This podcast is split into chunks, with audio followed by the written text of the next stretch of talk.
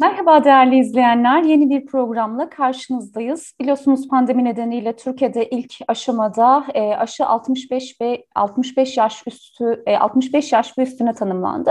Ardından üçüncü aşamada e, çocuklarda 12-17 yaş arası çocuklara aşılama getirildi. Dünyanın pandemiyle mücadelesi, e, mücadelede karnesi oldukça zayıf. Maalesef yoksul ülkelerde e, hala aşıya erişim söz konusu bile değil. Üstelik aşının yanında ilaç sanayisi de e, oldukça gelişmişken e, virüs tabii dünyadaki bu geri pozisyona karşın yeniden bir güç alarak e, mutasyonu uğradı. E, omikron bu kez hayatımızda. E, biz tüm bunlar toplamında Türkiye'de ve dünyada çocuk aşılanmasını konuşacağız. E, konuğum Türk Tabipler Birliği Pandemi Çalışma Grubu üyesi ve Halk Sağlığı Kolu Başkanı Doktor Nasır Nenasır. E, hoş geldiniz hocam. Hoş bulduk. Çok teşekkürler. İyi yayınlar diliyorum. Ne sanır? Ne sanır? Evet. evet. Ee, hoş geldiniz yeniden. Ee, tabii şöyle bir başlayalım dilerseniz. Ee, Omikron'un e, aşılanmanın az olduğu e, Güney Afrika ülkelerinde çıkması bir tesadüf müydü? Yani aslında bunu e, tesadüf diyemeyiz. Çünkü aşılama oranının hani e, bu Omikron'un Afrika ülkelerinde çıkmış olması ve ilk vakaların orada yayılmış olması aynı zamanda bunda e, bir aşılama oranının düşük olduğunu görüyoruz. Aşıya erişimle ilgili bir sorun olduğunu görüyoruz. Bu buradaki temel sorun şunu bize şunu götürür. Aşıda e, e, toplumsal mülkiyet e, e, aşının yani mülkiyeti topluma aittir. Aşıda patent olmaz. E, maalesef bu kapitalizm pandemi sürecinde aşıyı da bir meta haline getirdi. Oysa o aşıların hepsinin üretimde kamusal kaynaklar aracılığıyla e, aşılar ortaya çıktı. İnsan insanın ortak mirasıyla, birikimleriyle o aşılar ortaya çıktı. Şimdi e, burada temel kritik nokta e, yüz milyonlarca insanın aşıya erişememesi çok önemli bir sorun. Bunun çözülememesi. Çünkü biz en son delta varyantında e, bizim e, dünyada bir toplumsal bağışıklığı sağlayabilmemiz için dünya nüfusunun en az yüzde 85'ini aşılamanız gerekiyor. Yani hani e, çünkü e, buradaki herkes güvende olana kadar hiç kimse güvende olamaz yani. Sizin yüzde 85'i dünya nüfusunun yüzde 85'ini aşılayabilmeniz için burada iki şey çok kritiktir. Bir, dediğim gibi birincisi aşıda e, top, e, aşının mülkiyeti topluma aittir. Aşıda patent olmaz. E, ikinci husussa aşılar, e, aşının e, aşıyla ilgili zorunluluklar getirilmesi gerekir. Yani aşı olup olmama meselesi bireysel bir özgürlük değildir. Çok ciddi bir halk sağlık sorunudur. Çünkü siz aşı olmadığınız zaman e, kendi ölümünüze neden olabilirsiniz. Çevrenizdeki insanların ölümüne neden olabilirsiniz. Virüsün dolaşımına katkı sunarak e, mutasyon sürecine katkı sunabilirsiniz. E, yani bu açıdan baktığımızda buradaki aslında Afrika özelindeki temel sorun e, aşıya erişimle ilgili bir sorunun e, göz ardı edilmemesi gerektiğini bize net bir şekilde gösteriyor. Bu son omikron e, varyantı da. Peki tüm bunlar e, çerçevesinde şöyle ele alalım. E, varyantlar önce delta ardından e, omikron çocuklar açısından ve aslında tabii toplum açısından da nasıl riskler oluşturuyor, e, toplum sağlığı açısından bunu nasıl okumamız gerekir ve e, şuradan da girmiş olalım çocuk aşılanmasına. E, dünyada e, durum nedir, hangi ülkeler kaç yaş e, grubu çocukları aşılamaya başladı ve çalışmalar devam ediyor? Evet. Şimdi öncelikle şunu söyleyelim. Hani Sağlık Bakanlığı biliyorsunuz pandemi döneminde e, maalesef toplumla sağlıklı bir veri paylaşımı yapmadı. Hep eksik veri paylaşımında bulundu. Şimdi biz e, delta öncesi ve delta sonrası süreçte çocuklardaki e, vakaların durumu, kaçının hastanede yattığını, kaçının yoğun bakımda yattığını, kaçının öldüğünü, ne kadarın enfekte olduğunu, ya da ne kadarının asıl enfeksiyon kaynağını taşıdıkları ile ilgili bakan bize bir açıklama yapılmış durumda değil. Ee, ama biz delta süreciyle beraber, delta varyantı süreciyle beraber e, virüsün daha genç yaş gruplara ve çocuklara kaydığını biliyoruz. Yani e, bu dünyada e, birçok ülkenin e, de yapılan çalışmalar ve ülkelerin aynı zamanda kendilerinin paylaştığı verilerden yola çıkarak bunu söylüyoruz. E, zaten o delta süreci de aynı zamanda çocuklarda aşılamanın da ne kadar önemli olduğunu da bize bir kez daha hatırlattı. Yani çocuklarda aşılamanın da e, dikkat edilmesi gerektiğini ve aşı takviminin içerisine alınması gerektiğini bize bir kez e, net bir şekilde hatırlattı. Neden hatırlattı? Çünkü e, çocuklar e, virüsü taşıyabilirler. Siz onları aşılayarak virüsün taşımasına engel olabilir, olabilirsiniz. E, çocuklar yine aile içerisinde kronik hastalığı olan, yaşlı olan insanlar olabilir. Çocuk o taşıyıcıyken virüsü onlara bulaştırabilir. E, bu açıdan yani çocuk çocukların aşılanması çok önemli. Yine çocukların aşılanması şunun için önemli. Biz biliyoruz ki ne? E, aşılanan çocuklar hastalığı daha çok daha hafif geçiriyorlar. Yani e, ağır geçirmiyorlar. E, bunun için yani çocuk aşılaması çok önemli olduğunu gösterdi bize delta varyantı. E, e, bir de e, biz e, çocuk aşılanması şunun için önemli. E, örneğin Türkiye üzerinde Türkiye dünyada en, en uzun süre okul kapatan birkaç ülkeden biri. Okulların kapalı kalması demek. Çocukların fiziksel, ruhsal, sosyal olarak gelişmemesi, yani bir gelecek kuşağı yok edilmesi, e, çok büyük travmalar yaşaması demek. Siz bu e, e, oku, e, çocukları kattığınız zaman burada e, okulları da bir nevi e, tabii diğer tedbirleri ve önlemleri de almanız gerekir ama burada yaygın bir aşılama yaptığınız zaman bulaş zincirini de kırıyorsunuz. İşte ağır hastalık sürecini engelliyorsunuz ve okulların açık kalmasını da sağlıyorsunuz iyi bir aşılama kampanyasıyla. Şimdi e, delta yani delta varyantı bize çocuklarda aşının ne kadar önemli olduğunu ve çocukların da aşı takvimi içerisine alınması gerektiğini net bir şekilde gösterdi. Zaten o, o süreçin içerisinde e, hani ABD, e, Çin, Avrupa'da Danimarka, Fransa, İspanya, Almanya, İsveç, daha birçok ülke hatta sonra Haziran ayından sonra işte Türkiye hatırladığı 12 yaş ve üzeri çocukları da aşı takviminin içerisine aldı. Şimdi omikronla beraber Şimdi omikronla ilgili bilgilerimiz çok kısıtlı. Hani aslında omikron süreci e, şu anki o kısıtlı bilgiler bir de şunu gösteriyor. E, e, daha bulaşıcı bir virüsle karşı karşıya olduğumuzu söyleyebiliriz. Hani kesinleştirmekle beraber, kesinleştirmemekle beraber bunu söyleyebiliriz. Daha çok bulaşıcı bir virüsle. E, daha hafif e, geçiriliyor omikrona yakalananlar delta'ya göre. Bunu da biliyoruz. Fakat buradaki bulaşıcılığın çok yüksek olması şunu da paraleline getirir.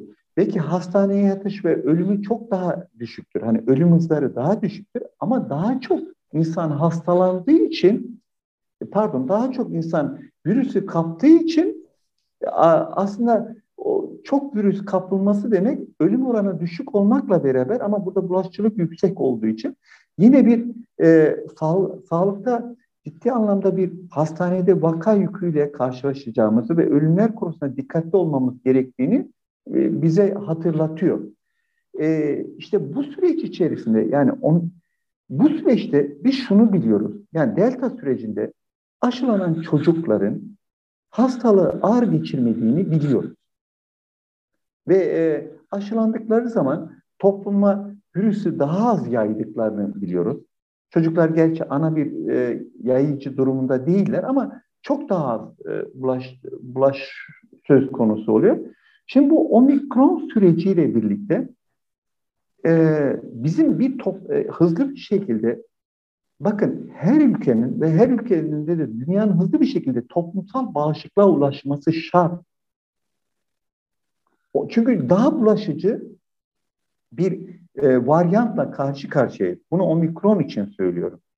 Bu durumda e, aşıla, e, aşının aşının 5 yaş altı çocuklara e, örneğin Türkiye'de uygulanan Pfizer ve BioNTech aşısı 5 yaş ve üzeri çocuklar için onay aldı.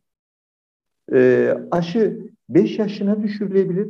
Hatta Çin 3 yaşına düşürdü. Çin 3 yaş ve üzeri çocuklara bizim ülkemizde uyguladığımız koronavak aslını uyguluyor. Yine Küba yani koronavak gibi bir inaktive aşı olan kendi aşılarını 2 yaş ve üzeri çocuklarda uyguladı. Ve bunun e, biz şu anki verilerle yani var olan verilerle bu sürecin hani virüsün yayılmasını engellemede, çocukların ağır hastalık geçirmesinde geçirmesini engellediğini biliyoruz. Ee, hızlı bir şekilde burada bu omikron süreciyle birlikte Sağlık Bakanlığı en az 5 yaş ve üzeri çocuklarla ilgili aşı kampanyası yapmak zorunda. Şu an bakın e, bizim iki doz aşılı nüfusumuz 50 milyon 600 bin civarında bildiğim kadarıyla son veriler. E şimdi e, iki doz aşılı nüfusumuzsa e, yine hatırladığım kadarıyla 56 milyonun üzerinde. Bakın bizim nüfusumuz 83 milyon. Şimdi bunlara bir göçmenleri de kattığımız zaman çok daha fazla bir nüfus var. Şimdi oran yani iki doz aşıları e, yetersiz de onu da biliyoruz iki doz aşıların. Hani üçüncü dozu yaptırmaları gerekiyor. Yeri geldiğinde dördüncü dozu yapmaları gerekiyor. Bakın o iki dozda bile toplumun şu an yüzde altmışı e, e, aşılı gözüküyor. O da yanlış bir veri. Bakın onu tekrar söylüyorum. Çünkü iki dozun yetmediğini artık biz net biliyoruz. Hem delta da bize onu gösterdi hem son omikron da onu gösterdi. E, burada çok ciddi bir e, şey var. Toplumsal bağışıklığı sağlayabilmeniz için sizin e, yani 20 milyon üzerinde insanı hızlı bir şekilde tam doz aşılamanız gerekiyor. Bunun Ama şöyle çocuklar... e, Nasır Hocam kusura bakmayın bölmüş de oldum evet, da e, yetişkinlerde bile aşı isteğe bağlı ki Türkiye'de e, çocuklarda aşı isteğe bağlı 12-17 evet. yaş arası. Biz hala e, 5-11 yaş e, grubunu e, aşılamayı gündemimize almadık. Yani Sağlık Bakanlığı geçtiğimiz haftalarda basına gündemimizde yok dedi. E, ama öte taraftan tabii şunu da merak ediyoruz. İşte İzmir Torbalı'da bir çocuk, işçi bir ailenin çocuğu yaşamını hmm. yitirdi COVID'den. Annenin bir açıklaması oldu. Dedi ki ne çocuğunun e, riskli bir hastalık taşıdığından haberdar e, ne de 12 yaş çocuklara aşı geldiğinden haberdar. E, aslında e, dönüp dönüp e, yeniden e, sizin e, ifade ettiğiniz yerden ele alalım. E, Türk Tabipler Birliği olarak Sağlık Bakanlığı'nın iktidarın süreci iyi yönetemediğini e, ifade ediyorsunuz. E, sokağa çıkıyoruz, e, vatandaşa sorduğumuzda aşınızda olduğu, e, oluyor musunuz dediğimizde yok bana bir bilgi gelecek ve ben aşı olacağım mı duyduk biz. Ee, yani bir bilgi kirliliği söz konusu, aşının zorunlu olması çağrısını yapıyorsunuz. Ee, şunları tabii merak ediyoruz işte çocuk Türkiye'de e, ne kadar çocuk aşılandı? E, Haziran'dan itibaren e, riskli çocuklar e, izleniyorlar mı? E, çocuk aşılanması diyoruz ama siz dönüp dönüp aslında toplumun e, hızlı bir biçimde tabii aşılanmasını vurgu yapıyorsunuz. Çocukları da katarak. Tabii tabii. e, biz tabii buradan topyekün aslında e, ciddi bir e, mücadeleyle e, buradan çıkabileceğimizi e, görüyoruz anladığım kadarıyla. Hmm. Evet. Şimdi şunu belirtmek istiyorum. Şimdi Sağlık Bakanlığı e, salgın yönetimi yapmıyor. Yani salgını kendi haline bırakmış. Bakın günlük resmi kendilerinin açıkladıkları rakamda her gün bir uçak dolusu insan ölüyor. Hani resmi rakamı söylüyorum. Bakan Bey kendisi de en son söyledi. Aslında rakamların üç katı olduğunu kendisi de açıklama olarak ölüm vakalarının hani üç katlı olduğunu kendisi de belirtti. Yani COVID-19 ya da COVID-19 nedenlerle. Şimdi bu aşı kamp e, yani Baka, Sağlık Bakanlığı bir aşı kampanyası da yürütmüş durumda değil. Aşı ile ilgili bir politika da oluşturmuş durumda değil. Bunların e, kapsamlı bir bakış açısı da getirmek durumda değil. Ekonomik, sosyal destek sağlayarak. Bütün bunlar bir araya gelince Türkiye pandemi dönemi boyunca ölümlerin en fazla yaşandığı, nüfusa orantılandığımız zaman yine vakaların en sık görüldüğü ülkelerden biri. Ha, hızlı bir şekilde ne, ne yapılmalı bu süreçte? E, kesinlikle şu aşamada e, aşı 5 yaş ve üzeri herkese uygulanmalı. Ee, okullarda aşı kampanyası başlatılmalı. Bu aşı kampanyası başlatılırken e, e, medya bilgilendirilmeli, aileler bilgilendirilmeli, sağlık çalışanları hizmet içi eğitimden geçirilmeli, eğiticiler, e, şey eğitim emekçileri eğitimden geçirilmeli. E, bunu bütün kamuoyuna duyurulması ve kamuoyunun desteğini alınması gerekir. Yani sendikaları katmak gerek, Türk Tabipler Birliği'ni katmak gerek, demokratik kitle örgütlerini katmak gerek. Çünkü biz biliyoruz ki şu ana kadar pandemide başarıyla çıkan ülkelerin pandemideki bütün demokratik yapıları, demokratik kitle örgütlerini katması ve toplumu da o paralelde katmasının olmazsa olmaz olduğunu biliyoruz. Yani bizim pandemi sürecinde e, toplum hiçbir zaman pandemiye katılmadı ki. Yine demokratik kitle örgütleri, akademik çevreler de pandemiye e, katılmadı. E, böyle olunca da e, her gün en az bir uçak dolusu insanın insanımız hayatını kaybediyor. Bu çok üzücü bir durum. Yani resmi rakamlarla olanı söylüyorum bakın. E, bu çok üzücü durum. Ya burada çözüm ne olabilir? Net bir şekilde. Birincisi kesinlikle bakanlık aşıyı zorunlu hale getirmeli. Bütün bu e, kapalı mekanlara girerken bu kapalı mekan bir AVM olur, bir ibadethane olur, bir berber dükkanı olabilir, bir tuhafiye dükkanı olabilir. Burada ki gelenler ve çalışanlar için yani bütün bu yaşam alanlarında eğitim kurumlarında eğitimcilere, sağlık çalışanlarına, kamu personeline aşının zorunlu hale getir, getirilmesi gerekir.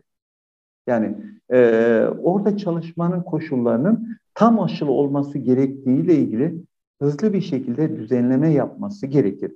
E, yine biraz önce belirttiğim gibi okullarda herkesi katarak e, bir aşı kampanyası düzenlemesi gerekiyor. Bakın şimdi en son veriye baktım. Türkiye'de son haftada günlük e, ortalama yapılan aşı sayısı 112 bin civarında. Bakın bu 112 bin şunu şu, toplumun yüzde onunu aşılayabilmemiz için hani e, şeyleri geçtim hani e, toplumun yüzde onunu iki doz aşılayabilmemiz için eğer böyle giderse e, e yüz, yaklaşık 150 günlük bir süre lazım. Bak bakın bu arada üçüncü dozlar var. Onları katmadım. Göçmenler var. Onu katmadım. Ee, ya, yani biz burada bir toplumsal bağışıklığa gidemeyiz bu aşı hızlarıyla. Mümkün değil. Şu an uygulanan zaten bir sürü bağışıklığı var. Hani bu sürü bağışıklığın bedelini de insanlar hayatlarını kaybederek ödüyorlar. Uzun süre yoğun bakımda hastanede kalarak ödüyorlar. Ee, yani e, aşı ile ilgili zorunluluklar maddeler halinde hızlı bir şekilde getirilmeli.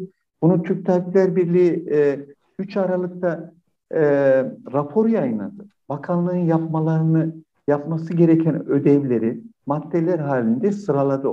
E, raporun adı COVID-19 salgın yönetimine kapsamlı bir bakış ve kritik öneriler.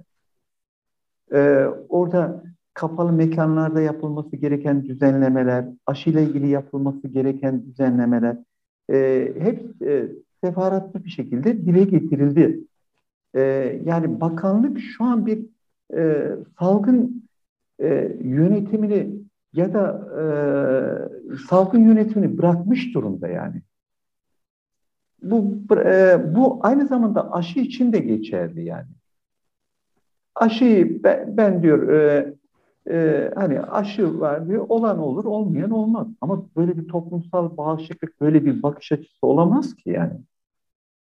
Tabii siz bir sağlıkçı olarak aslında yöntemi, e, çözümü bir kez daha izleyicilerimize e, sundunuz. Aktardıklarınız için çok teşekkür ediyoruz. Evet. Ben teşekkür ederim. Çok teşekkürler. Çok sağ olun. Çok sağ olun.